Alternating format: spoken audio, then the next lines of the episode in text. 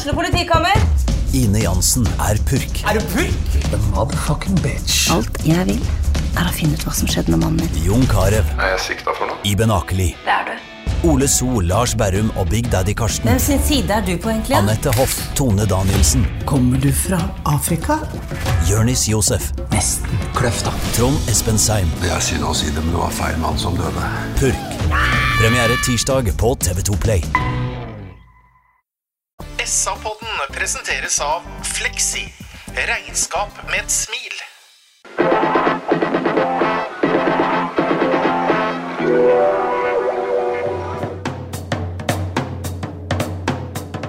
Sarpsborg Arbeiderblad gir deg en ny episode av SA-podden med Sven René Nygård, Øystein Weber, Petter Kalnes og Bjørn Inge Bingen Nilsen. Hei, alle sammen. En ny utgave av SA-podden.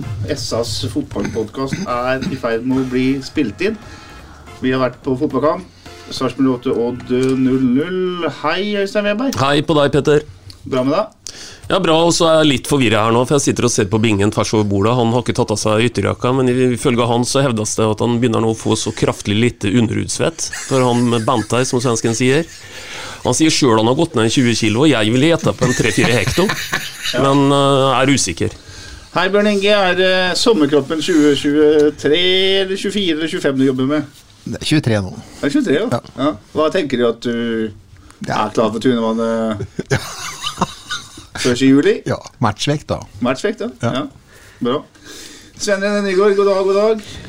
Ja, jeg må bare gi eh, Jeg er enig med Weber. Han Bingen sa at jeg sitter ved siden av Bingen på stadion, og, så, og i stad så tok han hånda mi og kjenn her, kjenn her, sånn, så stakk ribbena ut med enten. Ribbena er på vei ut, da. Så det er, eh, er ikke noe rart han fryser. Hei, forresten. Hei, jeg heter Petter Kalnes og har eh, i løpet av denne fine helgen med sol ikke gått ned en hekto. Nei. Hvis det er det vi skal snakke om. Nei, vi skal ikke det. Nei, Vi, skal ikke det. Vi kan snakke om en fotballkamp, Svein René, for uh, som den er litt sånn merkelig, syns jeg. Fordi på den ene sida er det to lag som nuller hverandre litt ut. Så som tar hverandre ut litt sånn taktisk, syns jeg i hvert fall. Men på den andre sida så er det jo en sjansebonanza og, og muligheter begge veier.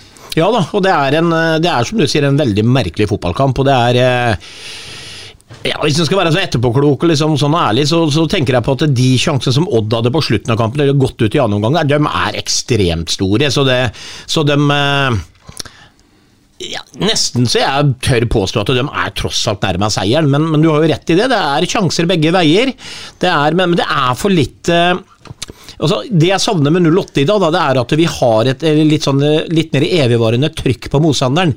Det går liksom i sånne bølger, og jeg syns egentlig også det at det er liksom eh, vi kommer sikkert tilbake til men Utvik er jo der igjen og er vår outstanding spiller. Så er det liksom ikke noe som fremhever seg ordentlig. Det er, det er noe grått over det, selv om det selvfølgelig var en morsom 0-0-kamp for den, den håper å si, nøytrale tilskueren. Men for meg så sitter jeg litt sånn småskuffa.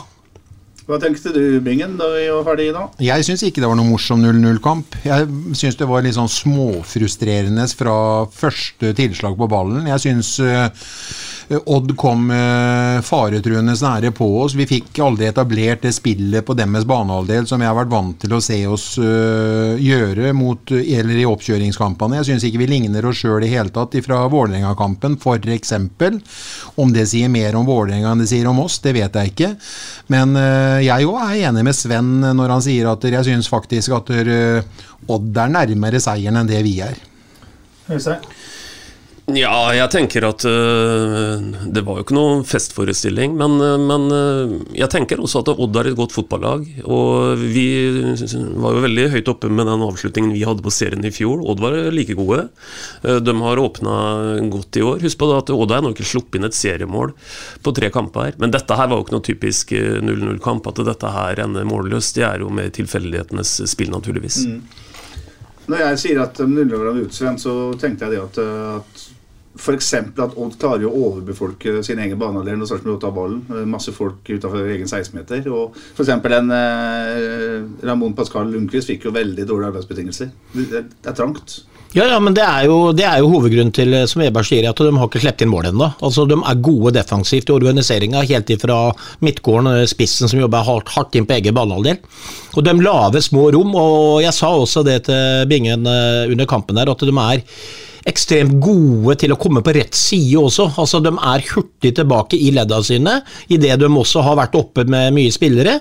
Så det er et godt organisert fotballag. Ferdig med det. Det er eh, det er ikke sikkert det er en eh, Skam er ikke uansett, men eh, så veldig rart at vi ikke slår dem hjemme i dag. For det kan vise at Odd blir eh, meget bra utover, hvis de er heldige med skader og sånne ting, dem også. Det er Nei, jeg syns det var et spennende fotballag. Men du, Sven, du, vi prata om en ting. En Veberg fjerna oss nemlig fra Jeg sa det, han, han fjerna seg fra Sven. Orka han ikke dere mer? Da? Nei, det ble for mye fag for han. Ja, og da er det én ting igjen som Sven og jeg prata om, og det er litt sånn som Litt sannhet i det, faktisk, at skal vi ha ambisjoner om oss å være der nummer seks eller åtte på tabellen, så skal vi slå Odd hjemme i dag. Vi skal ikke spille uavgjort mot Odd. det er greit vi taper mot Bodø-Glimt hjemme, og vi kommer sikkert til å få noen flere tap hjemme, men, er, men Odd er et av de lagene som vi skal ta. Så akkurat, vi, vi blir vel litt skuffa i dag, spesielt når det kommer nesten 7000 på første kamp mot Bodø-Glimt, og så raser det til under 5000 i dag. Det er ikke sikkert ja, det, det, det, det, er rart, syns jeg. Også, vi har så mye folk på Bodø-Glimt, og det er klart det har seg opp. Og så blir man litt skuffa, men så går man søren meg tross alt bort og slår Vålerenga. Det er liksom det å slå Vålerenga i Oslo, det er kult for alle fotballag. Og da skulle du tro at waps, da kommer vi opp igjen. Så er, da, da må jeg også istemme at det er skuffende besøket. da. 4300 et eller annet var det vel? Ja. Og det var nok ikke det innenfor porten heller. Men vi skrøt veldig av Alexander Klausen og kompani foran Bodø-Glimt-kampen. Øystein. Eh, er det noen grunn til å kritisere dem for ikke å lage nok sirkus rundt det nå? Nei, jeg er usikker på det. Og så er jo jeg litt opptatt av det med at kunden alltid har eh, rett. Så, så vi, vi, får det tilskuertallet vi, vi, fortjener til enhver tid. Og, og jeg jo er litt sånn, tenker at uh, uh, Vi kan si det er 6000 sarpinger der mot Bodø-Glimt, hvis vi sier at det kom 1000 gul gulkledde sånn røftlig. Og etter at vi da slår uh, Vålerenga borte, så er det et faktum at det er 2000 av dem som var der sist, de velger å ikke komme på kamp i dag. For det var antagelig ca. 4000 sarpinger i dag. Men jeg vet ikke om det er riktig å bruke begreper som, uh, som kaller skuffa, eller hva det er. Altså, det er det det er, og det er bare én ting som eh, vil høyne det tallet, og det er prestasjoner ute på banen og seirer og framtidige resultater. Ja, men Skulle ikke seier i Oslo da være nok liksom, Bingen, til at folk ville gå og se kampen? Ja, tydeligvis er vi veldig kresne. Ja. Det kan hende det har noe med væromslag å gjøre, og jeg vet ikke, men vi var eh, for lite mennesker på stadionet da i forhold til prestasjonen vi gjorde mot Vålerenga. Syns jeg, da. Mm. Det er min mening. Ja. Men jeg håper jo øh, håper jo liksom ikke at det setter en så fryktelig dempa på det. For at jeg syns ikke vi skal krype noe lenger ned nå. Av respekt for oss sjøl, publikum øh, i byen, så ønsker vi å ha et eliteserielag, så skal vi ikke krype noe lenger ned, syns jeg. Såpass ærlig må vi si, selv om kunden bestandig har rett, Øystein. Ja da, og så må jeg bare kommentere en ting til, øh, Petter. For Bingen har rett i at jeg fjerna meg for Sven og Bingen i annen omgang. Men hovedgrunnen til det, det er egentlig to. Eh, jeg benytter enhver anledning til å gratulere Bingen med å ha valgt tre plasser til oss på en tom stadion og velge rett bak en stolpe. Det er jo på en måte det ene. Og det andre er at eh, tidlig i, i annen omgang så er det å sitte på, høre på Sven og Bingen Det blir nesten som å høre de to gamlingene på Muppet Show, altså. Ja. Så, så, det er rett og slett for oss å prøve å distansere seg litt og prøve å se det litt med egne øyne. Meppelshow, ja, Men du hadde sittet i salen på Meppelshow og hørt på oss antageligvis sånn ellers, for det sitter jo noen der òg? Ja, jeg er usikker på det. Ja. Hva er det dere preker om? Er det bare klager dere da, for at dere ikke orker å sitte sammen med oss? Ja, de mimrer mye. De, de mimrer mye. De er tilbake på 90-kjøret igjen og snakker om noen historier som, eh, som har gått fullstendig ut på dato. Jeg hadde en trener en gang, jeg skal ikke si navnet på men han sa alltid sånn at eh, Der hadde jeg gjort sånn, sånn. Der hadde jeg gjort sånn. Ja, ja.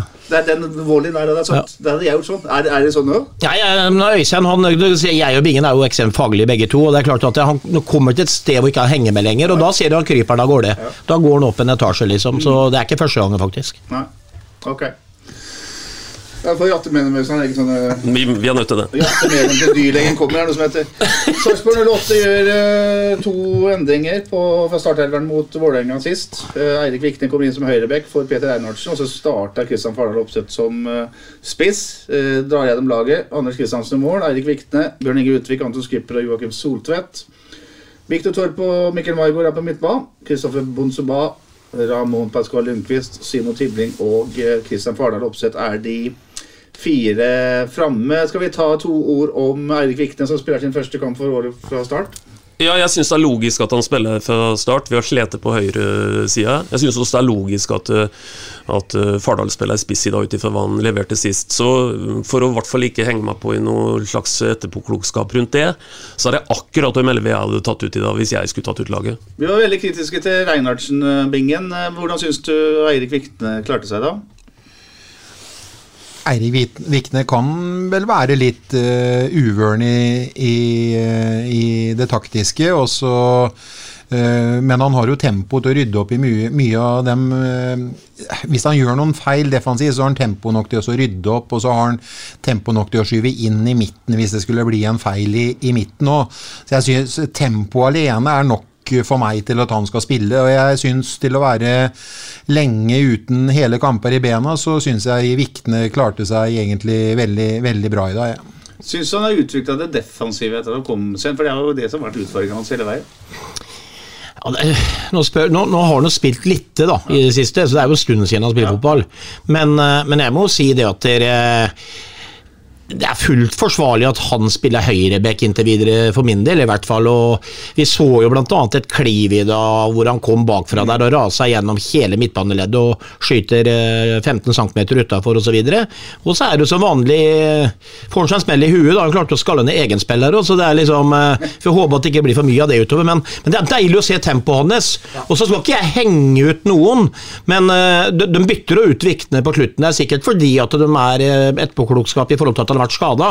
Og så setter man jo inn Reinhardsen, og det gikk ikke veldig lang tid før han glemmer dødsona si bak seg. Kommer et løp, og så er det en som nesten er alene med keeper med en gang. Så jeg regner med at eh, Reinhardsen må trene litt mer. Reinhardsen må lære seg enda mer tempo, og så får Vikne være der ute. Inntil blir jo redda av Andre Kristiansen. Ja, ja, ja. Ja, ja. Ja, altså Vikne har ikke 90 minutter i bena nå. Han, han, øh, du, du sier at han begynner sikkert å bli sliten, Sven, øh, hvis det var det du sa. Og det gjør han jo. Han begynner å vise krampetendenser han, øh, i den siste tida han spiller spiller. Så han er fortsatt litt prega av å spille lite. Men for å gjenta altså det som han, Sven sa. Vi ser i det 54-55. minuttet her, så kan vi ta detaljene etterpå. Det er den ekstra dimensjonen som Vikne har. For når han, når han akselererer der og fører ballen over øh, 20-30 meter, så, så, så ser vi hvor farlig det er. Og det er faktisk bare tilfeldigheter at ikke han setter 1-0 der. Og vet du hva som er helt genialt med han i forhold til tempoet han kjører? Så kjører han høyre-venstre touch. Fra han starter med ballen i bena på første touchet, så avslutter han på det sjette touchet, som kryper utafor for, for stolperota. Og, da, og da, da legger han bak seg i hvert fall 20 meter med tempo hvor ingen klarer å følge den. Og det er en dimensjon vi trenger i laget, og det var vel det eh, Bjørklund og, og Billborn ønska å se med dem to eh, temposterke guttene på samme side, da, selv om ikke de klarte å utnytte hverandre. Altså, når han, når han, når han Bonzo Ba går inn, så skulle jeg gjerne sett at der, Og det skulle vi Bjørklund og Billborn òg, sett at han hadde kommet mye mer på overlapp enn det han, eh, det han, eh, han gjorde, Eirik Vikne. Men det samspillet, det kan bære frukter når det får satt seg, og det, det setter seg ikke sånn bare for at du setter inn Vikne på, på bekken én gang, så så er de to samspilte. Det er ikke sånn det fungerer. Og så har du Bingen helt rett, Sven, i at uh, Eirik har evnen til å rette opp i en feilplassering eller feilvurdering fordi han er så sjakk bena. Ja, ja det, det, er jo, det har vi vært inne på flere ganger. Altså, skal du være god i internasjonal fotball, eller god på høyt norsk nivå, så, kan, så må du nesten ha eh, hurtighet og fart. Eller så må du ha ekstremferdigheter på andre ting. Så der er jo han eh, Og jeg, jeg, jeg syns liksom jeg, jeg har aldri sett en så rask, jeg. Så må, jeg nekter å tro at det var 20 meter. Det må jo være 40 meter. Hvor han, eh, det var jo fra midtstreken cirka, hvor han bare rasa av gårde. Og det er klart, der har han en egen dimensjon. Og så får vi bare håpe at han nå, med Bjørklund som en gammel verdensbekk, eh, lærer seg noen triks i forhold til den defensive tinga. Så er jo han en, eh, en, en moderne, meget god bekk. Vi må ta tre ord om Kristian Fardal Opseth som starta her, Øystein. Enig med deg, helt naturlig at han gjorde det. Karakter gir jo han? Nei, vi er, litt, vi er jo litt tilbake igjen og klør oss litt i huet. Så ikke noe topp kamp av, Fardal. Men han er jo også en sånn type som på en måte er best når Vi husker jo, har jo frist i minne nå de måla han, han skårer mot uh, Vålerenga. Og da Ja, det er litt sånn sydd opp for han. Altså Han har noen begrensninger, naturligvis, Fardal Opseth. Og kommer liksom ikke helt til rette til sin rett i dag, altså. Og Fikk han en selvtillitsboost uh, forrige helg, så, så, er den i hvert fall ikke fortsatt å stige, i hvert fall. Den har flata litt ut ennå. Mm. Jeg sier ikke, jeg skal ikke henge ut noen, jeg, men, men, jeg bare gjentar det jeg sier da. fordi at Ja, i dag fikk ikke Fardal Opseth mye å jobbe med, så skal ikke bare arrestere han for det, for han ble jo ikke spilt god i dag også.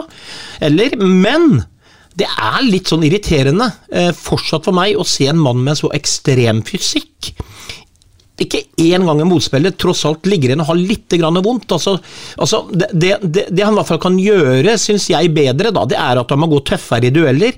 Han må gi litt mer juling, han må gjøre arbeidsforholdene rundt seg litt bedre for andre motspillere ved at han gjør de fysiske tinga. Og der, det, det, er jo det enkleste han kan gjøre. og Når ikke han gjør det heller, og ikke blir spilt god, så blir det selvfølgelig ikke noe høy karakter på, på tidligere gamle VG-børsen, for han er vel borte nå. Mm. Ja, for Det er jo en utallige innlegg også i denne kampen Bingen, som, eh, som, som, det er veldig få ganger blåkledd er først på. Ja. Både I faste situasjoner og i åpent spill. Ja. Øh, vi er ikke skarpe nok der det, i fysikken. Jeg, og jeg er enig med Sven i forhold til fysikken til Fardal. Skulle jeg tenkt meg det helt naturlig og sett for meg at han uh, skulle vunnet flere hodedueller. Vi har vel ikke én som liksom treffer kassa sånn ordentlig klink midt på, på panna, hvor vi kommer først ordentlig uh, en gang. Mulig Torp gjorde det en gang, jeg er ikke helt sikker. Men uansett må vi tenke oss nøye om, hvert fall for å lete fram uh, hvor vi er overlegne i det hodespillet i offensiv 16-meter. Ja, Fardal har en stor en i første omgang, og det er klart at uh, den redningen uh, Han var det som hadde den. Ja, det skled litt av huet på Stemmer, ja. stemmer. Og um, bare for å ha sagt det, han blir kalla for leoparden, uh, Valseth, uh, på den, på den gjennomsredningen han har der. Den har høy klasse på.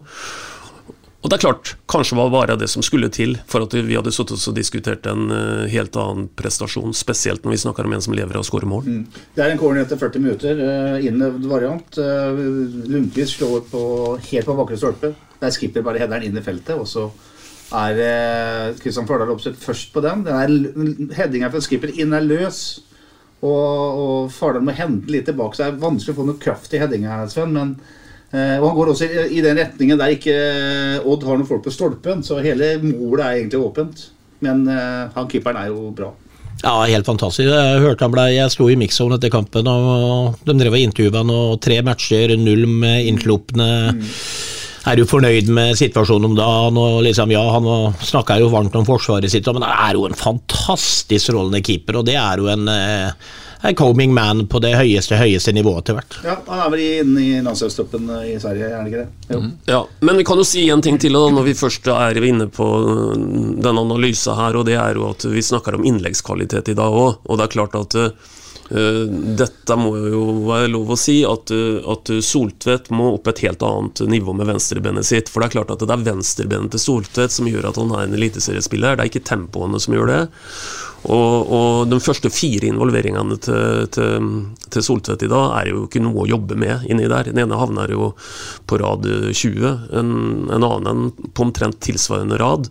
Og, og det er for dårlig, for dårlig, presisjon. Så Soltvedt, du må opp på, på hesten igjen, altså. Den, den sida der generelt, den fungerer ikke. Jeg sa det til forrige kamp òg, ja. Det er jo helt snålt å se den sida der. sånn, eh, Tibling er jo helt formløs. Jeg ville jo egentlig ha en forandring på venstresida i forhold til Tibling etter Vålerenga-kampen nå. Nå har han tre svake kamper, og det er skygga seg sjøl i forhold til hva vi så i treningskampene. Men eh, det bør en forandring til på den siden der nå. Vi kan fint sette opp en, eh, en, eh, en eh, Høyland på midtbanen i neste kamp og, og skyve Maigård ut på, på, på, på kant. og og la Tibling få hvile, spør du meg nå. For vi må vise noe bedre på Det må bli mer fart i den venstrekanten der, sånn. I forhold til hva vi var vant til i fjor, og vi ser i forhold til antall målpoeng venstrekanten vår. Så jeg tenkte på Soltvedt og, og Tibling, ja. Nei, ikke Tibling. Uh, Tobias Heinz ja, ja, i fjor. Vi er jo ikke i nærheten, og det er bare kun én mann vi har bytta ut på den siden. altså. Og Soltvedt spilte på den siden i fjor òg, er ikke i nærheten av altså, Han er faktisk en skygge av seg sjøl i forhold til hvordan vi, hvordan vi skrøt av han, og hvordan vi lovprisa han i fjor i forhold til venstrebena hans, og hvor smart han var. Ja, og preseason, da. Ja. ja. Så det er noe som har skjedd helt, helt Det er mye urytme i laget. Men jeg, jeg, vil også, som jeg sier, jeg er helt enig. Altså, Tibling har jo en skygge av seg sjøl i dag. Bon Suba en skygge av seg sjøl i dag. Vi har hunsa han opp, og ja, han er helt spesiell. og Han gjør ekstreme ting som ingen andre gjør, men i dag blei det litt sluttprodukt her også. Så da tenker jeg nok en gang at vi skal gi ekstra kred til det Odd-laget. Fordi at det er sånn som de gjorde arbeidsforholdene for Tibling og for Bon Suba i dag, hvor det ikke var rom til å komme ordentlig rundt og sånn, så kan du snu på det og se i annen omgang når Odd kommer på vår høyreside f.eks. De bare skjærer inn med ball og går rett mot spissen av femmeteren, mens vi må utfordre helt ute med sidelinja. Må flytte rundt og flytte nok og lagd små rom, så vi skal nok gi Odd en ordentlig kred for at gutta var dårlige, men Tibling må opp en par hakk, for nå har han to dårlige kamper på rad i mine øyne, så her har vi mye å hente. Det går til og med an å tenke seg at eh, en Bon Suba kan spille på kanten til Tibling. For eh, han, han begynner å ikke sant, Jeg er enig med det Sven sier, at uh, han, han, leverer ikke helt noe sånn som vi så det helt å begynne med. Og så er det en annen ting òg. Han begynner å bli relativt forutsigbar i forhold til at han går innover mot venstre. Uh, en kunne tenkt seg at hvis du hadde satt ham på motsatt kant, så hadde han oftere kommet rundt og kunnet uh, slått uh, innlegg. Så, så, bare for å bryte litt i forhold til det, og røre litt i gryta, som Geir Bakke ville sagt, så hadde det vært helt mulig å tenke seg å sette Maigard til høyre og, og Bonseba til venstre, og kanskje hvile Tibling en kamp. Det kunne vært spennende, det. Det er jo en svakhet at han bare går mot venstre. Ja, men det er litt rart, for jeg, har, jeg så noen, noen tennskaper, så gikk den plutselig til høyre noen ganger osv. Så, videre, så det, det, det, er liksom med all respekt å melde, altså både trenerapparatet og Bonsi Ba med det nivået, toppnivået han har inne, så må jo kunne klare å prøve å gå andre veien en gang imellom. Det, det, må de kunne klare å få han til å prøve på. Fordi jeg har jo sett han har gjort det, og du, du ser at bekkene nå stiller seg opp og prøver å lede den inn, og vet at nå går den inn i banen. Samtidig så får de ikke tak i ballen, altså han klarer jo det, men da kommer jo de andre forsvarerne på han, så han får ikke avslutta lenger, som han gjorde til å begynne med. ikke sant? Men hvis han nå finter inn og går eh, andre veien, så kommer han der eh, motspilleren til å fly opp og, og hoppe si over tribunen og rett ut på jernbanen her, antageligvis, for det er eh, men det skal de klare på det nivået, toppnivået, få Bons i båt til å prøve på, tenker jeg. Og det må, han, det må gutten gjøre sjøl også. Ja, han, Josef Bakkhaug, som spilte venstreback i i Odd, gjorde en god jobb, men han hadde jo nok å jobbe med. Det jeg likte veldig mye med Bozubai Dabingen er jo at han også jobber godt defensivt. Han har, han har spilleforståelse nok til å ha catcha den delen av spillet òg. Ja, og så har han eh, tempo nok til å gjøre det òg, så han er eh, et friskt pust. Og vi tåler at en 18-åring en, eh, har en liten svakke. Han eh, har, kan gi oss mye positivt eh, fortsatt, fortsatt framover, han. Så det er ikke noe vits i å ja, Han skal få prøve og feile, han, og så skal ja, ja, han bli et uh, fint sluttprodukt for oss uh, til syvende og sist. Ja, jeg er helt enig, og det er marginalt altså, for at han lykkes med ting i dag òg. Det er det som er litt sånn stikkordet kanskje nå. Han spiller på veldig veldig små marginer, men det er like før det lykkes. Og det er ting han gjør som også lykkes. Han leverer fra seg ballen i dag i veldig farlige situasjoner, minst et par ganger her, som, som han nesten er alene om å skape. Så for all del, altså, la, la han få lov å bare feile litt, og vi kommer til å få mye mye mye mer glede av han etter hvert. Han hadde noen av disse stikkpasningene som vi så tidlig på ja. ja, så sitter vi nå og diskuterer Petter, at vi har en tibling som er bare skygga seg sjøl, og så har vi en Bon Suba som ikke er i nærheten av det lille vi har sett, og det er begge kantene våre. så Kantene er så viktige i Billborn-fotballen. Mm. Så det er jo liksom kanskje ikke så rart at kampen blei som den blei, da. Eh, samtidig som da Odd er meget gode defensivt. Men vi skapte jo sjanser allikevel, og eh, de to i superform igjen, så Ja. blir det bra. Så, Det. vi, så snakka vi om eh, Odd òg, da, som har sluppet inn null, og vi har sluppet inn to nå på seks kamper. Og jeg må jo si det at det midtforsvaret vårt med Maestro selv, Bjørn Inge Utvik og Anton Skipper eh, leverer varene selv om Jeg vet ikke hva Utvik om han fikk et drypp på ja, når han plutselig skulle spille den der femmeteren inn i målgården til Anders Kristiansen, og han òg skulle leke mut- Luka Modric eh, plutselig òg. Vi kan ikke holde på sånn, men eh, ellers så er jo Skipper og Utvik eh, kjempegode Ja da, ja. nok en gang. Ja. Utvik i særdeleshet. Helt klart. Kan ta én detalj til før vi går Eller én uh, lagdel til før vi går på detaljene i kampen. Eh, også denne gangen så spiller to av de beste offensive spillerne sine. Eh, Mikkel Maigard og Viktor Torp eh, sentralt på midten. Altså Langt fra motstanderens mål. Langt fra situasjonen der oppe. Vi ser noen ganger Viktor, spesielt i første omgang, Viktor Torp eh, drar der folk og, og viser hvor god han er. Det kommer også et par skuddforsøk. Er det litt eh, Er det dumt at de er så langt fra mål? Burde vært høyere ball? Ja, men eh, hvis de skal være her, hvem, hvem skal være der nede da, liksom? da? Altså, vi, Nei, vi, det- jo snakka Ja, ja. høyere på laget for lengst. Ja, ja. Det, Høyland kunne kanskje vært en balanserende spiller da, men da må en annen som er lenger fram på banen ut, da, hvis en av dem skal høyere opp i banen uansett. Da skal en Pascal ut, eller hvem skal ut? Men jeg må jo liksom, jeg, jeg fulgte litt ekstra med Maigård i dag. Det skinner jo ikke han eh, i dag heller. Men Herregud, han løper. Og han er uromoment sentralt, og de to gutta der skal jo annet gjøre det. Da, gjøre det vanskelig for motstanderen som sittende midtbanespillere. Så de leverer jo en bra kamp, syns jeg, dem også. Det er jo en grunn til at Odd ikke får styre mer enn det de får. Så Nei, da kunne gjerne sett dem høy... De, de, de bortkasta er å ha dem Ja, det er jo for så vidt det, men som jeg sier Ja da, jeg jeg er helt enig med deg, Petter. Jeg ville også sett dem høyere, men da er bare alternativet sånn at det ene annen av dem som er høyere oppe man må jo ut allikevel. Så det hadde i hvert fall vært bortkasta Pascal ikke skal spille, f.eks., og sånne ting. Da så Vi har mange, vi har konkurranse, det er ikke noe tvil om det. Nei, bra. Vi kan eh, se litt på hvordan kampen utvikler seg. Det, det starter jo helt merkelig, Øystein. Uh, Odd tar fullstendig kommando. Har fire corner på 3 minutter og 50 sekunder, f.eks. Ja, riktignok kommer jo alle omtrent etter hverandre Jo, der, jo, så det blir ja. jo sånn klareringskjør. Ja, Nei, eh, i den grad da, at eh, en eh, noen ganger mm, blir frista til å bedømme hvordan ser bildet ut etter veldig veldig kort tid i en fotballkamp, så satt en ikke med noen god følelse når det hadde gått tre-fire minutter.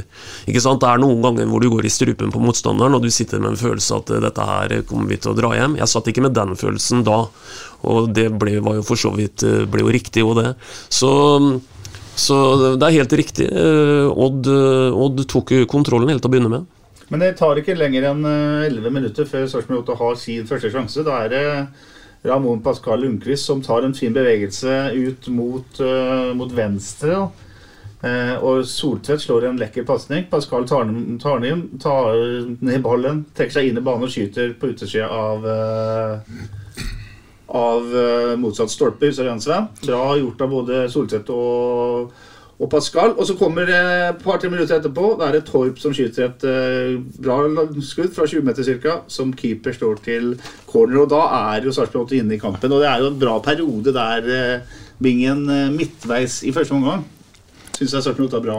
Ja, men eh, jeg vet ikke hvor bra du syns vi var. For at vi får fortsatt ikke kantene våre til å fungere helt 100% Og så blir eh, Fardal Opseth veldig fort brøtet ned av han eh, finske spilleren og han afrikanske spilleren som spiller i midtforsvaret. Der, sånn. Så jeg syns ikke vi får ordentlig taket på det.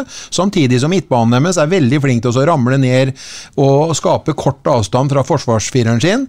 Så vi får svært lite rom. Ja, hvis vi mener det at en keeper på motstanders øh, lag øh, har et par redninger øh, som han egentlig strengt da skal gjøre, så, så er det greit å mene det at vi har en bra periode, men jeg syns ikke vi hadde en bra nok periode til å sette et ordentlig punktum i dag. Jeg, jeg syns vi var på gyngende grunn noen ganger når dem kom, og Anders Kristiansen har noen redninger, og vi kommer sikkert tilbake til detaljer, men jeg følte liksom at den der siste fandenivoldskheten, og det var en del som mankerte i spillet vårt i dag, i forhold til at vi skulle ta den der, få de der måla vi trengte, altså. Ingen sier at de er flinke til å falle ned, de sentrale midtbanespillerne til Odd, Sven. Eh, Og der er jo Da er de i rommet til Lundqvist.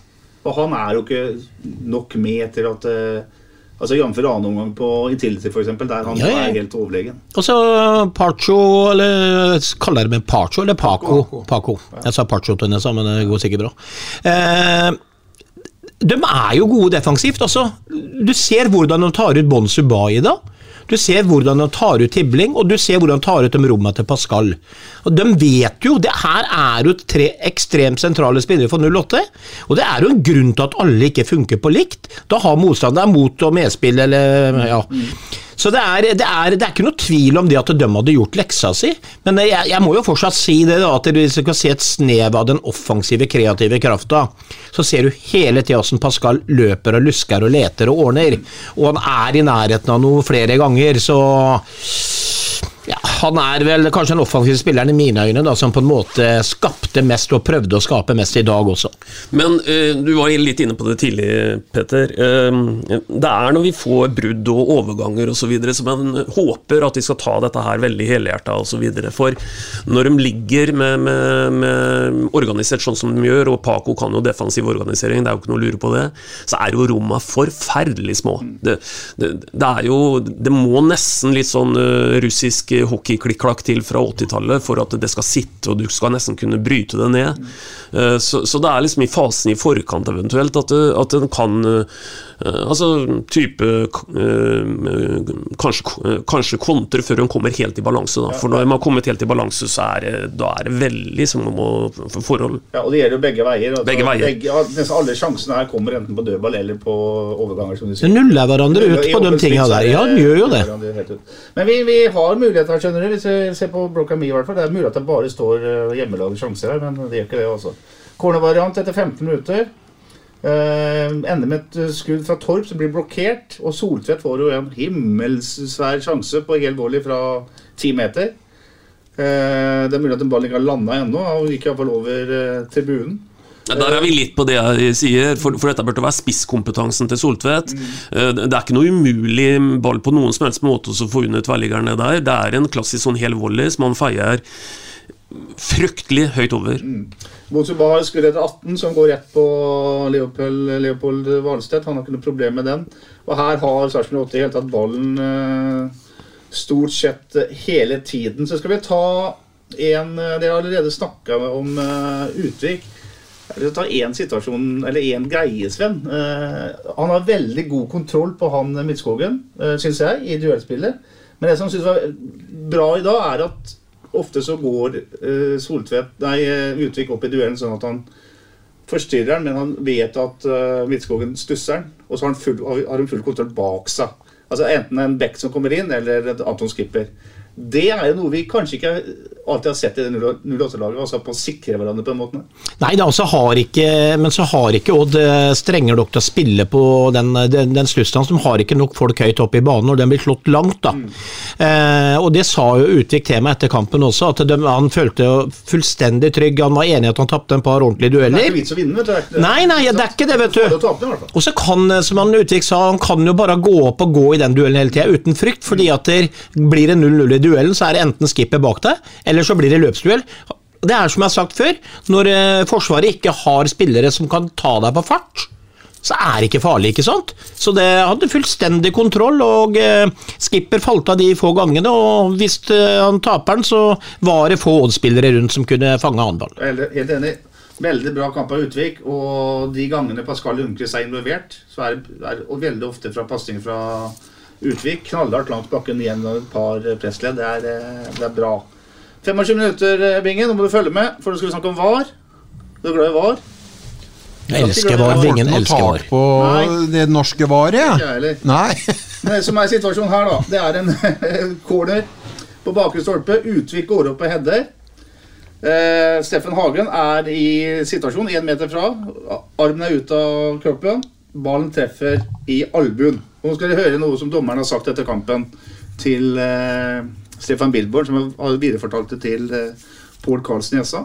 En ny regel i år er at hadde den ballen truffet hånda, eller under albuen, så hadde det vært hands. Han treffer i albuen, og fordi han treffer albuen, så er det ikke hands. Det høres helt snålt ut. Ja, gjør det ikke det? Jo. Ja, Nå begynner ikke dette å bli bare for dumt. Jeg blir så matt av det igjen der. Også. Det er nye altså, vet du hva, Jeg er så dritlei jeg. den der forferdelige hens-regelen. For jeg, det, du blir jo Ja, men ikke er det sant, det Ja, her? da? dommeren ja, men Billboard sier, sier jo til meg eh, 'jeg måtte lære meg reglene'. Ja. Sant? For den hadde ikke han hørt om før heller, tydeligvis. da. Og det, det blir for mye nå. Det blir nye ting hver gang. Og jeg sier det for n-te gang. den flyr som pingviner med hendene på ryggen, og, og liksom Den skal de ikke ta. Og så hadde den da, som jeg forstår deg, liksom gått fem centimeter lenger ned. Da er det en klar hens, men Albu hører ikke den til eh, hånda, armen, liksom. Nei, og, og det, her er vi jo ved noe av kjerna, ikke sant? For, for vi, vi har jo mange ganger snakka om øh, en litt sånn uforståelig hands-regel i forhold til at du kan ha veldig uflaks, og så på en måte øh, uten forsett, da, så kan du pådra deg både straffe og litt av hvert. Uh, her har vi jo da tydeligvis en, en øh, ulik praksis i tillegg, og da blir det, da blir det vanskelig. Og, og En skal jo huske på at øh, Paco, da, mm, eller Pacio som Sven kalte den, han ga noe et sånn italiensk nå? italiensk navn, uh, sier sjøl at han mener at i denne kampen er det 1-1 i straffer. Ja, ja, ja, ikke sant? ja. Så, så- jeg blir bare enda mer forvirra hvis uh, dommeren skal eh, prøve å eh, forklare seg inn på dette, da. Men eh, ok, sånn er det. Ja, det er en eh, merkelig er en merkelig eh, regel. I hvert fall så, så har så har ikke, Det er ikke en naturlig stilling på armen til Hagen. Samtidig som han i gamle dager, eller for, for fem år siden, da, hadde jo aldri blitt vurdert hens engang, fordi han er jo helt uh, uforskyldt i situasjonen. Ålreit, det blir i hvert fall ikke noe straffespark. Uh, 34 minutter. Da har Odd en, uh, en sjanse. Det er uh, Utvik som blir utfordra på fart. Og eh, hvis dere husker skrivetaklingen, det er en helt nydelig skrivetakling fra Utvik mot eh, mot Jevtovic. eh, på innside 16-meteren. Bra igjen av eh, mister eh, Utvik. Utvik. 34 minutter så har vi en pasning fra Kristoffer Bonsuba. Hvis du husker løpet til Torp inn i feltet. Bonsuba prøver å treffe den på huet. Og så oh, det er nære. ut bærtur. Ja, den er stor, vet du. For, for hvis, eh, hvis eh, Torp eh, er, er det Torp eller er det Pascal? Det er Torp, Det er Torp. Hvis han får uh, litt rann treff på den, på den, ja. ja, litt av krølle på den, så Ja. går den i en fin bue over uh, svensken og, uh, og i målet. Og der var det, og der var det marginer, vet du, som vi snakka om. Bingen. Om- Vi snakka om eh, Norges beste keeper, kanskje Valstedt, eller ikke Norges beste, men best i Eliteserien. Mm. Hadde den bare stussa huet der til eh, Torp, så hadde han sett ut som en tulling ikke sant, som er på vei ut til henteren. Så Nei, det er marginer. Ja, vi fortsetter med, med litt eh, sjanser her. Uh, 35 minutter. Tribling innlegg, og der er det Pascal som header. Ballen treffer oppå nettaket, over tverrleggeren dessverre. 40 minutter, ny corner som går igjennom hele feltet. Bonsuba er bare noen centimeter fra å sette benet på. Og så er det også en eh, eh, Så kommer da denne sjansen til Kristian Fardal Opseth etter 40 minutter, som da Valstedt gjør en helt strålende redning på. Og nå har jeg også notert alle sjanser i kampen, og dere hører at det er ikke mye Odd har etter at de åpna kampen eh, veldig bra. Så jeg hører TV 2 i pausa veldig opptatt av at eh, Odds keeper er eh, banens beste før pause. Men det er mye halvsjanser her, Bingen. Det er ikke, det er ikke mange 100% sjanser. Og det er vel litt av utfordringa. Eh, Valstedt er god, men eh, vi har ikke snakka om annen omgang ennå. Eh, Da har vi en som framstår eh, med flere avgjørende. Du nevnte kanskje den der, det var vel Oppsett som hedda det knallharde innlegget i en sånn en metershøyde hvor han eh, sklir av huet litt, og så treffer han en oddspiller, så blir det corner. Ja. Den er stor. Den er stor, og der er det tilbake til det jeg var innpå i stad, dette her med fysikk og alt dette her. Å være tøff i huet. For der tror jeg den ikke klarer å bli hedda på mål, fordi man kanskje er litt skeptisk til alt som rører seg rundt. Altså, sånn, ta dårlig sammenligning Og Diversen før i tida hadde bare stanga den rett i mål, ikke sant? for det dreit jo også godt med huet. Og det, det, det mener jeg seg, det er en kjempekjanse, altså. Den, for den skal på kassa, og da blir den så hard at den går inn. Og Du tok jo opp det temaet med Billborn etter Bodø-Glimt-kampen, og han er jo helt enig med deg. At han, at han savner denne tøffheten inni der. Ja, altså, det, som jeg sier, det skal gjøre vondt å skåre mål. Og det, som jeg sier, altså, der, er- der, der, Han er såpass bra hodespiller, han Oppsett. Han har så kontroll på kroppen sin, han har sånn fysikk, at jeg syns at den skal hamres inn i mål med huet. Ferdig med det. det jeg håper ikke Det blir sur på meg. det ligger to Ikke vær så redd for at de skal bli sure. Nei, det, nei, men at jeg kritiserer for mye. for Men eh, når det gjelder eh, den, så ligger jo faktisk i sannhetens navn to Odd-spillere på, på bakken. Han, eh, han går jo inn i duellen akkurat som han Ja, men han skal veggen. Treffe en ordentlig på Ja, ja, stor, liksom, ja. han skal ha kontroll på sitt Ja. eget hode, en situasjon, og så ta følgene etterpå. Ja. Det er liksom min tanke. da. Det er en stor sjanse. Det er en bra sjanse. Men jeg kan ikke si det at han er ferdig skåra, da. Det kan Nei, jeg ikke. nei, nei, men så lenge han kommer i den situasjonen med huet sitt, så der er vi Ja, der står jeg. Den på. kan gå inn ved stolperotet. Kan gå inn, definitivt. Etter pause, uh, spilt i ni minutter, så har vi den sjansen til eh, Eirik Vikne som dere allerede har snakka om. Der, der gjør eh, Eirik eh, alt sjøl. Han går og går og går, og går, men eh, treffer ikke mål, dessverre, på, på skuddet. Men der ser vi, der skaper vi i overtall. Eh, kommer bakfra med ball. Bra gjort. Ja, og har vært små, arbeids, eh, små rom tidligere når vi spiller mot etablert, så er det jo voldsomme rom da, da vi får den kontringen der med Eirik Vikne. Og det er, det er egentlig bare litt uflaks at han ikke setter den i lengste. Da kan du snakke om å ta overgangen helhjerta Nettopp. alene. Det er en eh, situasjon etter 57 minutter der eh, Bjørn Inge Utvik ifølge Odd feller en eh, Odd-spiller, husker ikke helt hvem det var. Eh, var er inne og ser, og var eh, fri, frier eh, Utvik. Har dere sett noe særlig? Vi er Ja, nesten sånn. helt sikre. Vi ser den på, på reprisen på, på reprisen på storskjermen. storskjermen, og vi er vi helt sikre på at det det ut her er straffe. Det ser sånn ut også Ja. når jeg ser bildene på TV-reprisene. Ja, der hadde vi litt uh, flyt, og da er vi jo på Pacos 1-1. da, som Men jeg Men For meg, jeg lurer på Jeg, jeg sa til guttene Det er akkurat som Jeg tror ikke, de har, jeg tror ikke dommeren har Jeg tror ikke de har kontakt med VAR-bussen. Jeg. tror de bare tar Tar seg på øret, ja. bare tar seg på øret. At det, Ja, men det som Det forundrer er meg, da, det, det som forundrer meg her, er to situasjoner. Den Hensen også den var her. Hvorfor går ikke dommer Moen bort og ser den på skjermen sjøl? Altså, han får beskjed. Så den frier han jo på i VAR-bussen. ja. Men at ikke Hvorfor Når går han og ser på, og når går han ikke og ser på? Nei, jeg skjønner dere noe Nei. Nei, det er eh, vanskelig å få et ordentlig tak på det. Det eneste som ser ut som et mønster, det er at når dommeren først går bort til VAR-skjermen, så endrer han beslutning. Altså det, Ja, ja, ja. Ikke sant? Så det virker som at eh, For det er jo veldig rart at eh, 50 meter unna han så er det et bildebevis på det han står og eh, kommuniserer med bussen. Han burde jo ha veldig interesse i å gå bort og kikke en gang til på den. da. Og så er det litt sånn at når en dommer har dømt da, straffe eller ikke straffe, så er det jo et svært tap for han da, å ikke dømme, og så eh, kanskje gå og se på den, og så sier varebussen ja, det er, vi er i tvil. Da er det lett å ja, jeg hadde rett, ikke sant? Jeg, jeg tror det er litt sånne ting. Ja, også, og, altså. og er det klart, Hvis det er sånn med en albuen, da Ja, Så sitter de i VAR-bussen og ser at de treffer det albuen. Da er jo det en lett beslutning, for da er jo det faktisk å følge regelverket. Selv om det er et merkelig regelverk. ja, men eh, det, eh, kan ikke du lese da opp på denne reglene til neste gang, Petter? For det, er- det kommer jo nye hele tida. Ja. Jo. Er... eh, Ja, det er vanskelig. vanskelig. Bra. Det dundrer og går her. Og den kampen blir jo på en måte mer og mer åpen. Eh, Det som, er det som kjennetegner at nesten alle overgangene til Sarpsborg 8-bingen kommer på venstresida. Veldig ofte bing, nei, Bingen, faktisk. Tibling får et, Bingen på eh, overgang, ja. Bingen på overgang. Å, herregud. Undergang, kan jeg lese. Ja. Tibling får eh, sjanser. Er ofte til og med foran bekken, men det ender veldig veldig med, ofte med at det blir en støttepasning, eller at det ikke det renner litt ut i sanda.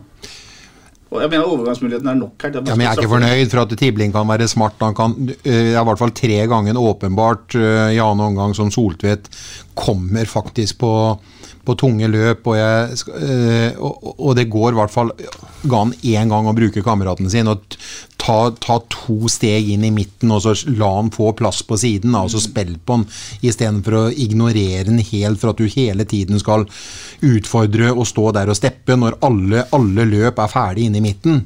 Det er jo slutt og forbanna ferdig når du bruker 20 sekunder på å uh, få ballen inn enten i, i motspiller utover dørlinja, eller hvis du klarer å få den inn foran mål, så går keeperen ut og, og tar den, eller så er det to stoppere som er knallsterke på huet. Vi får jo ikke noe ut av det i hele tatt. Det går for smått, det blir for trått. At du skal stå og drille så hele Oddelaget skal komme på rett side hver eneste gang. Han, nå om dagen så er han formløs. Venstresida er helt tafatt. Ja, det er, det er, jo, det er jo Soltvedt og innpå. Han er jo ikke, er, han er jo ikke lik seg sjøl i dag, han heller. Men ene gangen kommer han på overlappssaker, og da, da løpte jo Tibling ifra. Tibling ifra han, så han klarte jo liksom Han har ikke fart nok til å komme rundt. Men, men det er jo som, som du sier, altså før i tida var det ikke sånn med deg og Peter, at når, når bekken kom på overlapp når vi spiller fotball, og da måtte vi bruke den, for ellers så kom den ikke neste gang. Ja. Ja. Det er historie om det, vet du. Han, eh, Rolf Karsten Haugen spilte jo venstreback ja. på Kråker. Han Raymond Kvisvik var 16 år gammel og spilte venstre, eller venstre, i, eller venstre kant, da, i 4-4-2. Mens Tommy Kvisvik, broren til Raymond, spilte høyre ving. Så vi spilte opp av Raymond. Rolf Karsten Haugen overlappa. Og Raymond slo crossball til Roskilde. Fikk han aldri? Karsten løp og løp og løp. Fikk aldri ballen. Ja, men Det eneste jeg vet om Rolf Karsten, da, at han løp og lo og smilte. Ja, ja, ja. Med godt humør. ut. Banketten vant den hver gang. Ja, ja. Herlig. Rolf er en, er en veldig bra mann. Yep. 68 minutter så er vel kampens største sjanse, tror jeg. Eh, Midtskogen skyter over fra Fem meter med bredsida. Ja, det er svær sjanse. Og da, keeperen er jo ikke på plass, og det er bare en 08-spiller. Ja, den er mål, og de har også et par sånne Oi, oi, oi. Eh, Etter 76 minutter så redder Soltvedt på streken. Kjempestor Ja, redning. Kjempesjanse. Ja. Kjempesjanse. Der var også Anders eh, Ja, rett ut av det. ja. Uh, og her har man også da gjort et par bytter med at Einarsen har kommet inn for Vikne, og uh, Steffen Lie Skålevik kommet inn for uh, Kristian Fardal Opseth. Med, med, med fasit i hånd så var det et bytte som ikke satt helt i dag. Det lagde mer ugagn for oss defensivt enn det, det gagna oss. Tenkte du begge to, eller Reinertsen? Nei, jeg tenkte på Reinhardsen på høyre side. Han fikk ikke, ikke timinga si til å sitte på han, øh, han vinga si når han kom inn. Og mm, som sagt, Sven sa det egentlig veldig bra i stad og har vel egentlig kommentert det i forhold til blindsone. Han så ikke løpet komme bak ryggen sin engang på den ene og var sjakkmatt på nesten eh, ti meter før han visste ordet av det. Og det, det, det skal du klare å forhindre når du er, eh, er eliteseriespiller. Mm. Det ble vel ikke så veldig mye ut av Skålevik når han kom inn heller. Eh, hadde sikkert, de hadde sikkert håpet at han skulle løpe dem litt i stykker, men han eh, Nei, men For å ta det første byttet en gang til litt på det, så, så tror jeg ikke de følte at de hadde noe valg. For, Nei, jeg, jeg skjønner det. Jeg skjønner, jeg skjønner det. Jeg skjønner, ferdig. var ferdig. skjønner det, men vi, vi kom ikke styrka ut av det jeg byttet. jeg, jeg er enig i det. Og, og det, er klart at, det, det er klart at når vi tar inn på Skålevik, så vet vi jo at vi vi får noe helt annet igjen enn en, en det vi tar ut. og Det, det er jo på en måte Skålevik på, på godt og vondt. og øh, Jobber jo naturligvis knallhardt den tida han, øh, han er utpå der. Men, men øh, noe farlige ble vi jo på en måte ikke etter at øh, Fardal gikk av. Men et bytte vi kunne gjort, da, det var å sende inn eh, Høyland eh, sentralt, eh, og, og kjøre Maigård f.eks. ut til Tibling, da, eller ut for Bonsi og Bonsi over eller et eller annet, og kanskje gitt han eh, fem minutter han Tibling. Og for Maigård er jo liksom det han, han har jo prestert best på kant i 08 siden han kom, så der, der kunne man jo gjort et sånt taktisk bytte, da, for å brekke ned litt grann av eh, ja, ja, Bare sånn med Bonsi, han er venstrebekken eh, til Vålerenga, eller til Vålerenga, sier jeg, herregud, er sliten, altså, og han, han hadde jo godt tak på Bonsi, og det hadde de jo på Tibling òg. Det er klart, hvis Bonsi plutselig begynner å vandre over på en helt ny motspiller, så kommer plutselig en ny spiller som Mai går inn med det høyrebeinet sitt, som kan sette ballene rett på panna til en oppsett osv. Der kunne man ha gjort noe. Ja, til, til, å, til, til å være høyrebekk og reservebekk for Espen Ruud, som er en legende i norsk fotball og en legende i, i Odd, så, så må, må jo han høyrebekken som endelig fikk en sjanse der i, i dag, føle at han kom godt ut av den kampen. Så jeg jo, som jeg sier, jeg vil jo ha en forandring, forandring fra starta i dag, og jeg syns det er rart at forandringen ikke kom utover i kampen, at ikke vi ser det at vi har det svake ledd i tibling og på venstresiden vår i dag, så syns jeg det er rart at ikke vi, vi gjør noe med det, og forventer at Maigård kommer mer til sin rett når vi har en spiller av Høylands kaliber som vi vet kan gå inn og gjøre manns jobb på den, på den midtbanen der. sånn. Så jeg forventer egentlig litt mer mer kreative bytter offensivt når vi sliter sånn som vi gjør på spesielt venstre kant i dag, at vi, vi ser det nå fremover. og Vi har jo vært vant med at Billborn har gått all in i forhold til byttene sine offensivt nå, men, men men det er vel ikke noe tvil om det, vi som har sett mye fotball nå og fulgt det laget, at i forhold til troppen vår, så, så går vi på rundgang på 15 spillere eh, nesten i hver kamp, og det er liksom 50-50 hvem som skal komme inn av dem. eh, Eller eh, vi vet hvem som, hvem som eh, skal varme opp, og vi vet hvem som skal ut, og vi vet hvem som skal, skal, skal inn. Du kunne jo trygga det litt også, med å sette inn Høyland og, og flytte f.eks.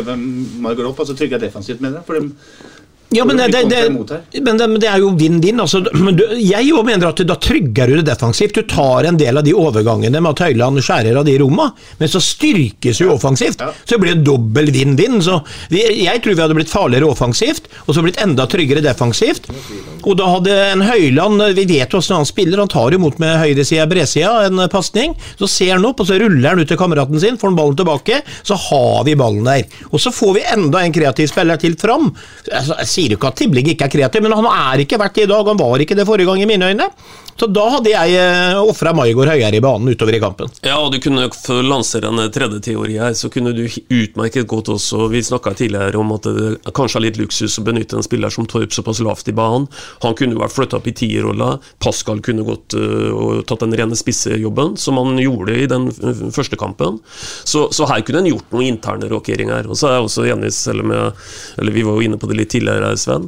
Det kunne skapt litt furore, vet du, og så bedt plutselig kantene og så bytta plass og så videre. Ja. Så, så mm, Bekken hadde nok blitt litt usikker der hvis han plutselig fikk eh, Bonsi over på sin side osv. Da hadde vi også da kunne han fortsatt å dra den ene veien sånn som han gjør, og så kunne det resultert i noen for- farlige innlegg. For noen jækla overlapper på sida. Da tenkte jeg når han begynner å gå inn, og da kan Soltvedt få arbeidsforholda. Du vet det er stor forskjell på én ting igjen. Når kantene bytter plass, da vet du at det, da er du ikke i flyten. Men når bekkene må bytte plass, da vet du som kantspiller at da er du i døtten.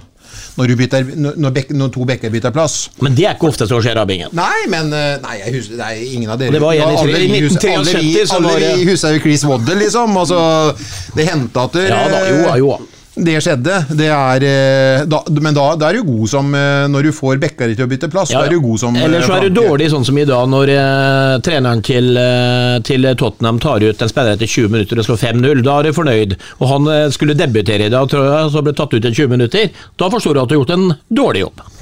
Når, eh, I hvilken kamp skifta det norske landslaget eh, kantposisjon på Jo- Jostein Floa, sånn at bekkene til en motstander måtte bytte plass? I hvem kamp? Hvilken kamp? ja? Ja, han gjorde jo det flere ganger enn én konkret Ja, men kamp. det er konkret eh, alle snakker om.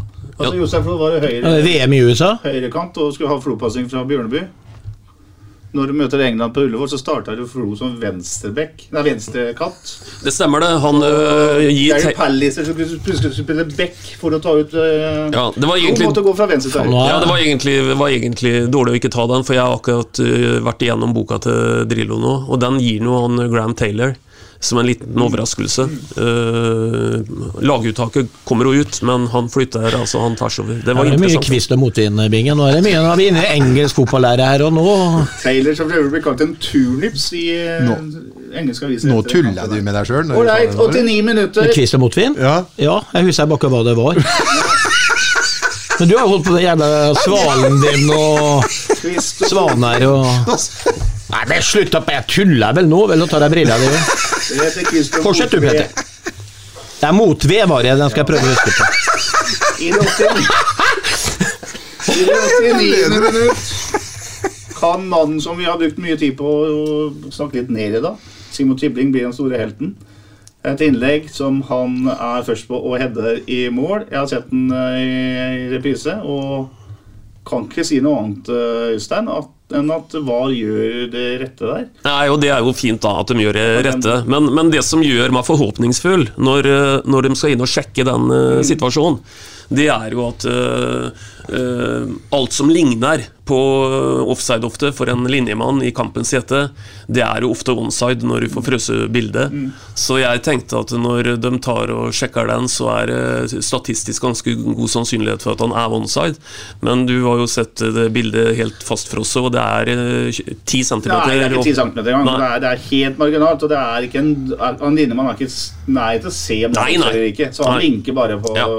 mistanke. Ja. Og jeg håpa jo at dommeren skulle se på skjermen. Det gjorde han jo ikke denne gangen heller. Og de tok da den avgjørelsen i et VAR-kontor i hovedstaden. Og dermed så ender dette her eh, 0-0. Jeg vil bare si det, Petter, at Nygaard trengte ikke var i den situasjonen her. Det er du enig i, Bingen. Da var jeg tidlig ute og sa det er offside før han som lå i Ja, nettet. For det var altså 3,5 cm. Ja, ja, ja, ja, men det handler om overblikk, vel? Ja. Ja. Så det så litt som du, Sven. Ja, gjorde jeg ikke det? Sa ikke jeg det tidlig, Øystein? At du sa det, det er noe helt annet. Ja, men det var jo ofte, Du sier jo fryktelig mye rart, men du så Det ligger tre jo nå. Jeg sa til Bingen flere ganger han lå og juksa altfor lite. Juksa Var- altfor lite. Han juksa Jo. mer, så hadde vært soleklar offside. Men når du spiller ute på kanten der sånn generelt, da, så må du, du må liksom ta den der halvmeteren noen ganger, ikke legge deg nesten i offside når ballen er for, for eksempel mo- motsatt side. Ikke vits å gå i offside når det er 20, me 20 meter til nærmeste motstander. Men akkurat i den situasjonen der, soleklar offside, så jeg veldig til. Hva er det du skulle spørre meg Nå skjønner, du, nå skjønner du kanskje hvorfor jeg flytta meg an noen gang. Jeg satt midt imellom det Muppet-showet der. Du kan jo tenke deg sjøl. Jeg tenkte orker det, vel. Ja, men du, Jeg tenkte vi skulle snakke litt om at de har eh, fire poeng på tre kamper, eh, Bjørn Inge Nilsen. Ja. Hva tenker du om det? Det er jo en eh, solid plassering på tabellen hvis vi eh, ganger det med ti. Da er vi jo på Da er vi på 40 poeng 40 og poeng. åttendeplass, Ja, sånn statistisk. er vi- det, er, det, det er solid, for å si det sånn. Men skulle vi vært med litt sånn høyere opp, som jeg sa i stad, da skal vi slå Odd hjemme i dag. Men det er klart, eh, fire poeng etter å ha møtt Bodø-Glimt og, og Vålerenga borte. da. Og også Odd som er et bra lag, så sånn sett så er det jo Ja da, det er en, det er en uh, godkjent uh, åpning, men det er litt som Bingen sier, at det er litt hvor du får poengene dine. Og det er klart at vi hadde kanskje forventning i dag da, om at vi skulle ta med oss eh, tre. Ja, så er det ikke alle som hadde forventning med tre borte mot Vålerenga. ikke sant? Forventning kanskje at vi taper hjemme for Bodø-Glimt, og så kan vi si det sånn at så spilte vi uavgjort mot Vålerenga borte. Et isolert greit resultat. Og så slår vi Odd hjemme. Da hadde vi hatt fire poeng da òg. Så da hadde jo det sett ut sånn som kanskje forventa, da. Ja. Brann eh, åpna serierunden med å slå Vålerenga 3-1 eh, for fullsatt Brann stadion lørdag kveld.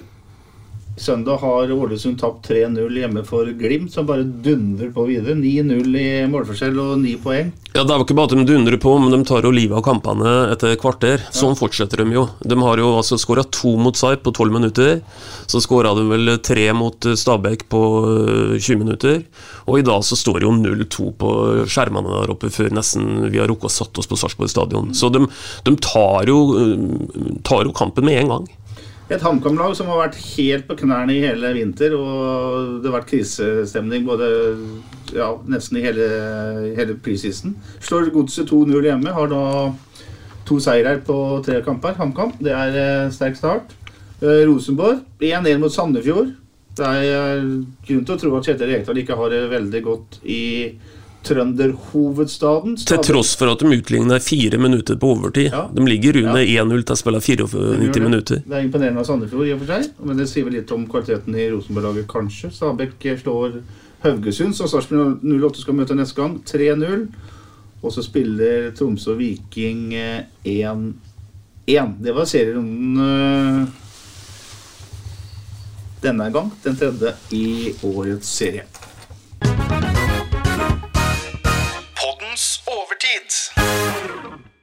I overtida skal vi snakke om eh, den store nyheten den siste uka i Sarpsborg-fotballen. Nemlig at eh, sportssjef Thomas Berntsen tar sin hatt og frakk og går, eh, Øystein. Og bytter ut uh, St. Marie-gate med gamle stan i Stockholm. Du sa det at du trodde det kom til å skje, og det skjedde. Hva er uh, tankene dine om den overgangen?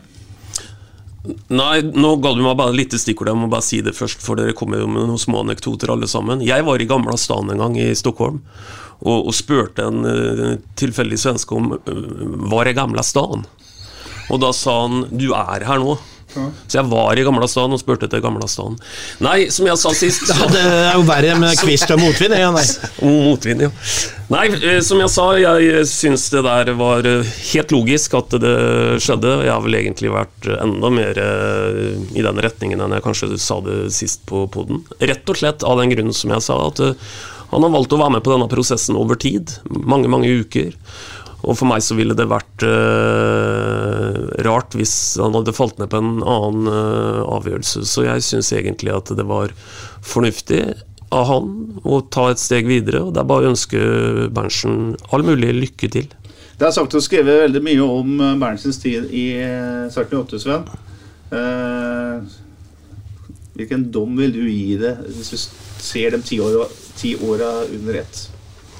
Det er, vel, eh, det er jo ikke så vanskelig å gi en dom der, for altså, han har jo vært med hele oppturen. Altså, han, eh, han har jo vært kanskje, som mange sier, den viktigste mannen vi har hatt. Trenere har kommet og gått. Berntsen har vært her.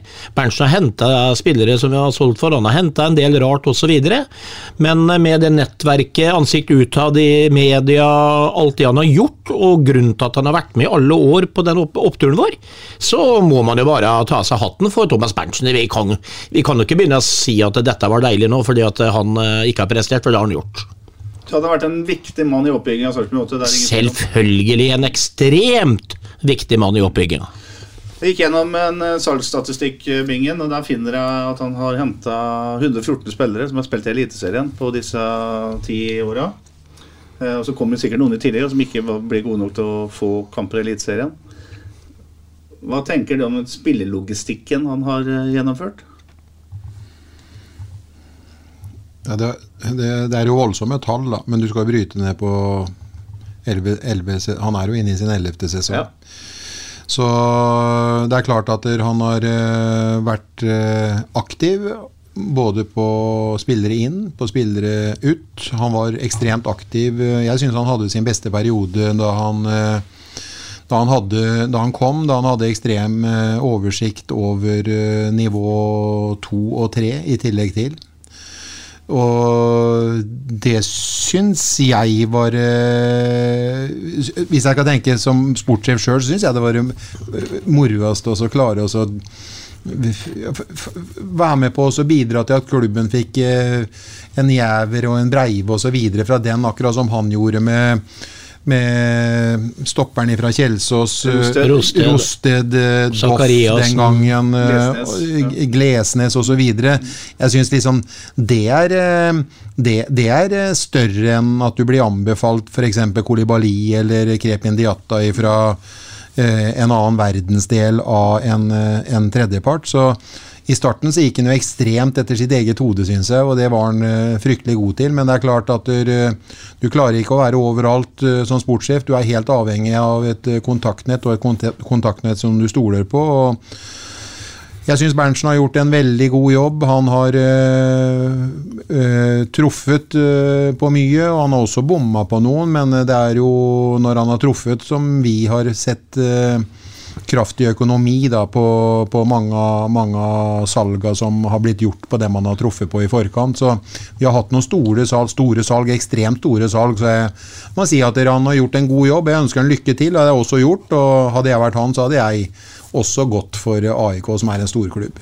Ja, og så er det én ting til å si. Det, det, han, det, han, gjorde i den perioden hvor han henta Doff Sakariassen Glesnes, Gaute Wetti, for å trekke tre profiler fram, fra bakgårdsklubben til Brann. Det kan vi ikke forvente at du kan uh, holde på med. Da gikk det nok kule varmt borti korridorene på Brann stadion når en, uh, når en, mindre klubb på andre sida av fjellet gjorde dette her. Uh, så det er det ene.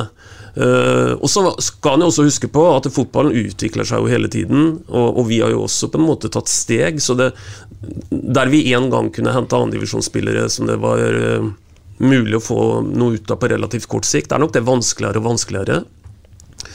Og så er det en ting til, og, da, og det er at vi, vi, vi lager jo dette antagelig litt vel mye til eh, litt sånn, kall det litt sånn, misforstå meg rett, da, eh, one-man-show, for det er jo naturligvis ikke Han er en superviktig person, bare så det er heva over enhver tvil.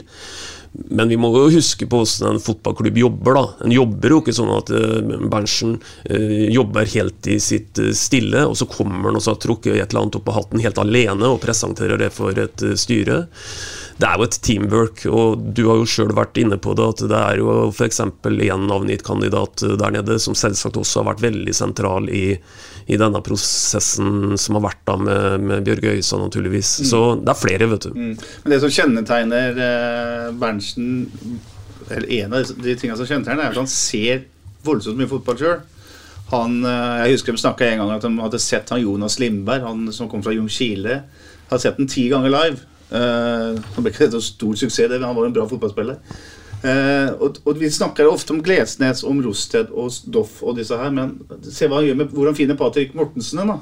Altså Mortensen er avskilta i Danmark. Spiller i førstedivisjon, altså på annet nivå to. Eh, De henter han en sommer, lar han få god tid, og han blir jo knallbra etter hvert. Og er jo en av dem som skapte dette eventyret. Nå er han jo spilleren i, i Ja, ja, han fikk jo er- restart her i byen, Han skårer flest mål da i klubben han er i gjennom tidene i eh, toppserien i Danmark. Så han finner de der typene der. Men ålreit, vi, vi, kan vi kunne brukt en hel pod på å snakke om Vi ønsker lykke til. Ja, vi gjør det. Vi er, takk for det du har gjort for Sarpsborg 8 og Sarpsborg by, Thomas Berntsen. Men nå skal vi snakke om etterfølgeren hans. Du har nevnt den, han som jeg har nevnt, nemlig Bjørge Øyestad. Vi vet fortsatt ikke om han vil. Det svaret får vi kan røpe såpass at uh, Bjørge har vel uh, lovt at han skal snakke om dette til uka som kommer. Så vi ser se om han er interessert eller ikke. Men uh, hva, skal de lete etter, Øystein? Det, det har jeg en ganske sterk mening på, så håper jeg Bigne er helt uenig med meg, for jeg er best når vi er som hund og katt. Eh, Men, eh, men én ting som jeg har tenkt veldig ofte, uavhengig av hvilke ressurspersoner du skal ha i forskjellige roller i byen, så skal det være et pre at du, du kan være lokal. Og hvorfor det? Jo, rett og slett pga. det at eh, vi vil antagelig ikke være en eliteserieklubb inn i evigheten.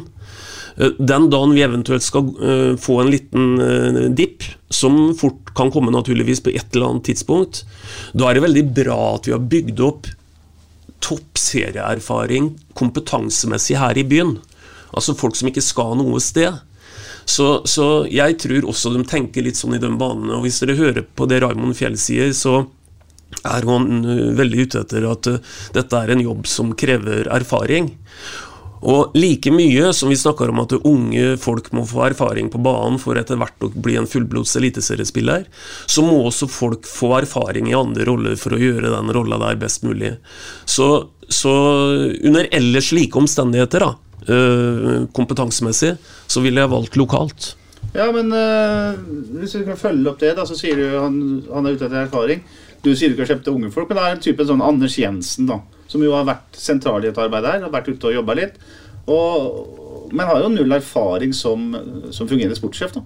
Ja, og jeg har ikke nevnt Anders Jensen med et ord, men, men den lokalt, så det er ikke så mange kandidater du har her. Nei, det er det kanskje ikke, men samtidig så er det sånn at, uh, at uh, her kan veien bli litt til uh, mens en går også. Og jeg tror at uh, det flins flere hoder her i byen, tenker jeg. Altså, jeg snakker jo ikke nødvendigvis om å ha post, uh, adresse St. Marigate, men, men, men litt sånn i omegn, da. Der tror jeg at det går an å lete. Må ikke ut og hente noen som både er dyre og langveisfarende. Det er ikke nødvendig, tenker jeg. Hva tenker du om uh, Berntsens etterfølger, Bingen? Har du noen kandidater? Ja, nå er ikke jeg som alle andre, så jeg har eh, en kandidat som jeg har tenkt på siden eh, dere skrev at Berntsen skulle til AIK. Eh, jeg tenker det at eh, har vi en person som eh, har den erfaringa som han er fra toppfotballen i, eh, i, eh, i, eh, i Norge, i klubben, så skal vi benytte det. Har, vi, har, har han spilt så mange kamper som han har gjort som kaptein, og tatt så mange andre kapteiner i hånda, så skal vi utnytte hans nedslagsfelt i Fotball-Norge, hans bekjentskaper. Vi skal utnytte en gutt som er på vei ut av eh, det aktive fotballivet. Vi skal, ut, ut av, u, u, ja, vi skal utnytte hans passion for uh, fotballivet videre. Gutten blir 35 år den eh, 4. mai. Og et sted må vi begynne. Alle begynner vi et sted. Og den gangen uh, Lillestrøm ansatte uh, sin sportssjef uh, rett ifra fotballen du? Nei, Nei, han Torgeir Bjørman. Ja, Ja, Inga André Olsen den gangen han begynte. Så jeg vil si det at jeg hadde gått 100 for eh, Joakim Thomassen, sånn som jeg kjenner han, og den kontaktnettverket og den kontaktflata han har opparbeida seg, og det navnet han har opparbeida seg, og med det fotballutvalget som jeg ser at han kunne få backingen fra, hvor f.eks. Bjørge Øyestad sitter, så hadde jeg gått eh, Så jeg vil lansere Joakim Thomassen som ny sportssjef her og nå. Spennende, Øystein.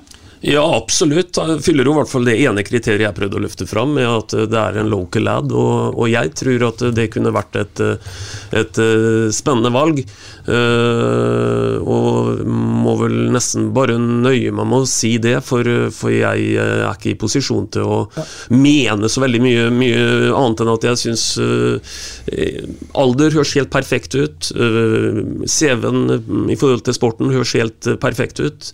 Og nettverk osv. Jeg tror godt det hadde gått an å lære opp en Joakim Thomassen. og veien, Husk på at veien som sportssjef den er ikke sånn at alle må kopiere noen andre. Den, den gjør jo litt eh, Den veien der sånn, den går seg opp litt sjøl.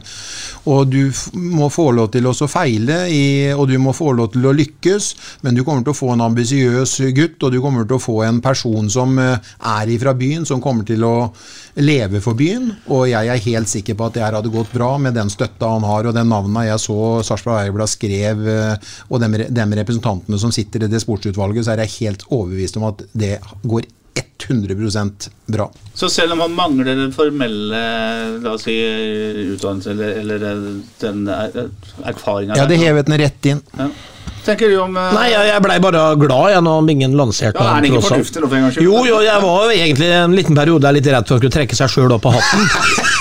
Så da begynte, så begynte han eh, nissen til høyre for meg, så det begynner å snakke om lokale lads og sånn. tenker jeg, Er ikke Bingen trekker seg ikke skjul på hatten nå, liksom? Men heldigvis så tenkte han fornuftig. Jeg tenker så lenge, Nei, så lenge Berntsen tar uh, tar AIK, så må vel jeg kunne ta København. Det er jo ja, ja. plass til oss to i to, eh, to hovedstedsklubber i, i Skandinavia. Men Joakim Thomassen går her for i Ja da, nei, da, spennende, spennende det. Nei, Men det eneste liksom er liksom, liksom, eh, Jeg har heller ikke satt meg så veldig Bingen vet jo litt mer om det her da, det, i forhold til den eh, selve rollen, da. Det er klart at det er jo veldig nytt for gutten, og det ja, det, det, det, hva som kreves der, selv om, ja, ja, selv om, selv om det på en måte er eh, Han har alle de andre kriteriene der, så er det vel en, eh, en spesiell jobb, da. Det er eh, ja, familielivet, og så snakker du om dette her med at du skal se kamper ti timer om dagen omtrent, og du skal reise rundt omkring Europa og se, og Joakim er jo glad i det han har hjemme, og det er, det er jo mye som spiller inn her, altså, vi får bare se. Ja da, og der spiller jo Sven naturligvis inn et, et poeng, da for, for Hva var det Thomas Berntsen sa til deg, Petter? Når vanlige folk tar fredagstacosen, så sitter jeg også og ser på dansk, dansk superliga hver fredag. Så, så, det er klart at uh, dette, er ikke, dette, er ikke, noe jobb som passer for alle. Og, og det, uh, det, vet Joakim, som har vært i den ja, profesjonelle fotballen nå siden han var 16 år gammel. Ja, og Karoline, ja, som har vært kjæresten hans siden han var 14 år, og barna altså Hvis han får støtte altså det, det, er ikke noe soloshow, det er sånn. det, er en, det er en kone og barn som står bak en avgjørelse. Hvis han Joakim får en sånn forespørsel fra 08, og da vet han at det er 24-7. Det er det er ikke noe kjære. Det er ikke noe du går Du går ikke hjem klokka fire da på en fredag. Ja, men Det er det som er spennende, da. Hva, hva sier de om det? Og hva tenker, du, hva tenker Joakim at han ikke skal se ungene hele tida og alt dette? Det får svare på sjøl. Blir, ja, ja, ja. blir, blir gøy når Petter Kalnes tar det intervjuet med Joakim eh, til uka. Ja, ja. for da forutsetter du selvfølgelig at alle i byen Eller alle i ja. er enig med deg. Alle går for bingen, ja, og det er selvfølgelig Den forutsetningen har Bingen alltid lagt til grunn, den. Ja, hvorfor skal ikke alle være enig med meg? Nei, ikke sant? en, uh, en fordel, eller som er artig med, med forslaget til Bingen, er jo da viser Sarpsborg 8 at man igjen kan være litt, uh, være litt annerledes. Da. Mm. Ta et litt tøft valg. Mm. Uh, kanskje til og med kunne bli kalt annerledesklubben igjen. Ja, da også er det, er det en ting til, og det er at uh, det er litt omdømmebyggende, det. Ja. Uh, også valgt en tidligere spillerprofil som er lokal. Mm. Og jeg er ikke Du, du snakker om uh, ha ikke altså, Utdannelse trekker kanskje noen sånne elementer. Jeg, jeg, er ikke så redd for det, for, for det han ikke har, har, i dag, det har han i mye større grad om et år. Mm. han kan backe seg den der gruppa som på en måte er der. Vi snakker om en Bjørge Øyestad som naturligvis må øse av sin erfaring rundt en annen, hvis ikke det er Bjørge sjøl som skal ha den, eh, den jobben der. Så, så jeg, jeg, er ikke så, så, redd for det. Da går det mer på om, om folk vil ha en sånn jobb. Så forutsetter vi selvfølgelig at eh, kontaktnettet er Sarpsborg 08s og ikke Thomas Berntsens, for å si det litt enkelt. Det her må jo følge klubben, ikke sant. Den nye sportssjefen må gå eh, sin vei, akkurat som Berntsen gikk sin vei når han kom. Ja, men kontakten Men kontaktnettet må du beholde, beholde mest mulig. Ja, men eh, han må også eh, Ja, kunne ja, si nei ja, ja. en ny sportssjef der Berntsen har sagt ja, for å si det sånn. Ja, Da gleder vi oss til å følge Thomassen i 08, Berntsen og AIK og Bingen i FC København. Det her kan ikke bli gærent. Ja, og så intervjuet ditt da pga. at Bingen har lansert den, og at du tar en sånn Ja. tre helsiders Ja, eh, i morgen får formiddag. ta en poll i København om syns om Bingen eh, som ny sportssjef. Eh, Åssen gikk tippinga denne gangen? Øystein? Nei, sist så kalte jeg det for det rene, skjære lotteri, og vi følger opp det. Eh, hvis vi skulle brukt ett ord på våre fire tips som en sånn fellesnevner den gangen her, så var vi enige om at det ble målfest på stadionet Ja, i dag, og det, og det endte 0-0.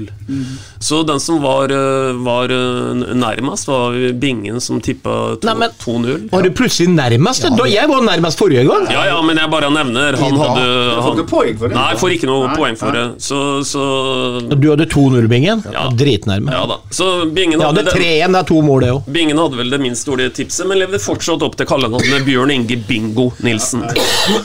Jeg tror jeg må legge på røret, er Peter. Skuffende. Og så går det mot Haugesund og Bingen i Haugesund. Ja, den, den, Jeg syns aldri vi har taket på Haugesund der borte, jeg. Eller har jeg feil nå? Eller bare noe jeg syns? Nei, nei, nei, må du tenke sjøl. Ja, da, jeg tenker Ja, du spør jo oss, jo. Tar Da jeg feil? tipper jeg 1-1. Nei! 1-1, Sven. Ja, Det var den jeg skulle ha. Ja, det kan vi få til. Ja, er en her òg. Jeg bare har en feeling for det. Nei, Oi, øh, vi, du? vi stjeler alt det her, skjønner du, der borte. Så vi kopierer faktisk resultatet fra Intility. 0-2 blir det i Haugesund. Ja, jeg klarer meg med et uh, uddamål som Pascal Lundqvist setter inn i det 90. minutt, Oh, ja. Altså 0-1, altså. 1-0 til Sarpsborg 8. Pascal Ja, ja. i det 90. minutt Ja. med høyrebenet. Sensasjonelt nok. Du er, du er skerp, du. du. Det er jo litt overraska at ikke du hadde sjumålskamp igjen. Ja. Så det har vi vel hatt hver gang. Da avslutter vi. Vi ferdig, skal eller? si følgende at uh, det har blitt 0-0 på Sarpsborg stadion. Og vi har lansert en ny sportssjef i Joakim Thomassen. Det vil si det er Bingens valg. Spennende. Og vi har uh, ikke vært i nærheten av å tippe riktig resultat. Og vi har laga en pod som er omtrent lik en togtur fra Sarpsborg til Oslo. Ja. Så for dem som setter seg på toget og tar den på den tida av døgnet, der er vi vel omtrent på Østbanen nå, tenker jeg. Ja. Hvis ikke de sovner før meg i Fredrikstad, det kan jo også skje. Takk for i dag, Sven. Ja, like måte, Petter. Øystein Hei på deg, Petter. og Bingen, takk for eh, deltakelsen. Takk for i kveld. Yes, vi sier som alltid, vi preker. Vi prekes. SA-podden presenteres av Fleksi. Regnskap med et smil. Ukens annonsør er HelloFresh. HelloFresh er verdens ledende matkasseleverandør og kan være redningen i en travel hverdag. Mange av oss har nok vandret i butikken både sultne og uten en plan for middagen, som ender med at vi går for de samme kjedelige rettene gang på gang. Middag burde være dagens høydepunkt. Som HelloFresh kan du nå velge mellom 25 ulike retter hver eneste uke, eller få HelloFresh til å sette sammen menyen for deg. Dette gir deg muligheten til å prøve nye og spennende retter alene eller sammen med familien. Du velger antall porsjoner og får alt levert på døren på et tidspunkt som passer for deg. Oppskriftene er enkle, og maten er lett å lage både for store og for små. Ved å få alt levert hjem får du også mer tid til å dele matgleden med familie og venner. Kanskje det frister med asiatiske tacos eller greskinspirert kylling? Da kan jeg anbefale deg om å gå inn på hellofresh.no. Her kan du bruke koden FOTBALL og få opptil 1779 kroner i rabatt på de første fem matkastene hvis du ikke har prøvd HelloFresh tidligere. Du kan også bruke rabatten hvis du har vært kunde og stoppet abonnementet ditt for tolv måneder siden eller lengre. Gå inn på hellofresh.no og bruk koden FOTBALL.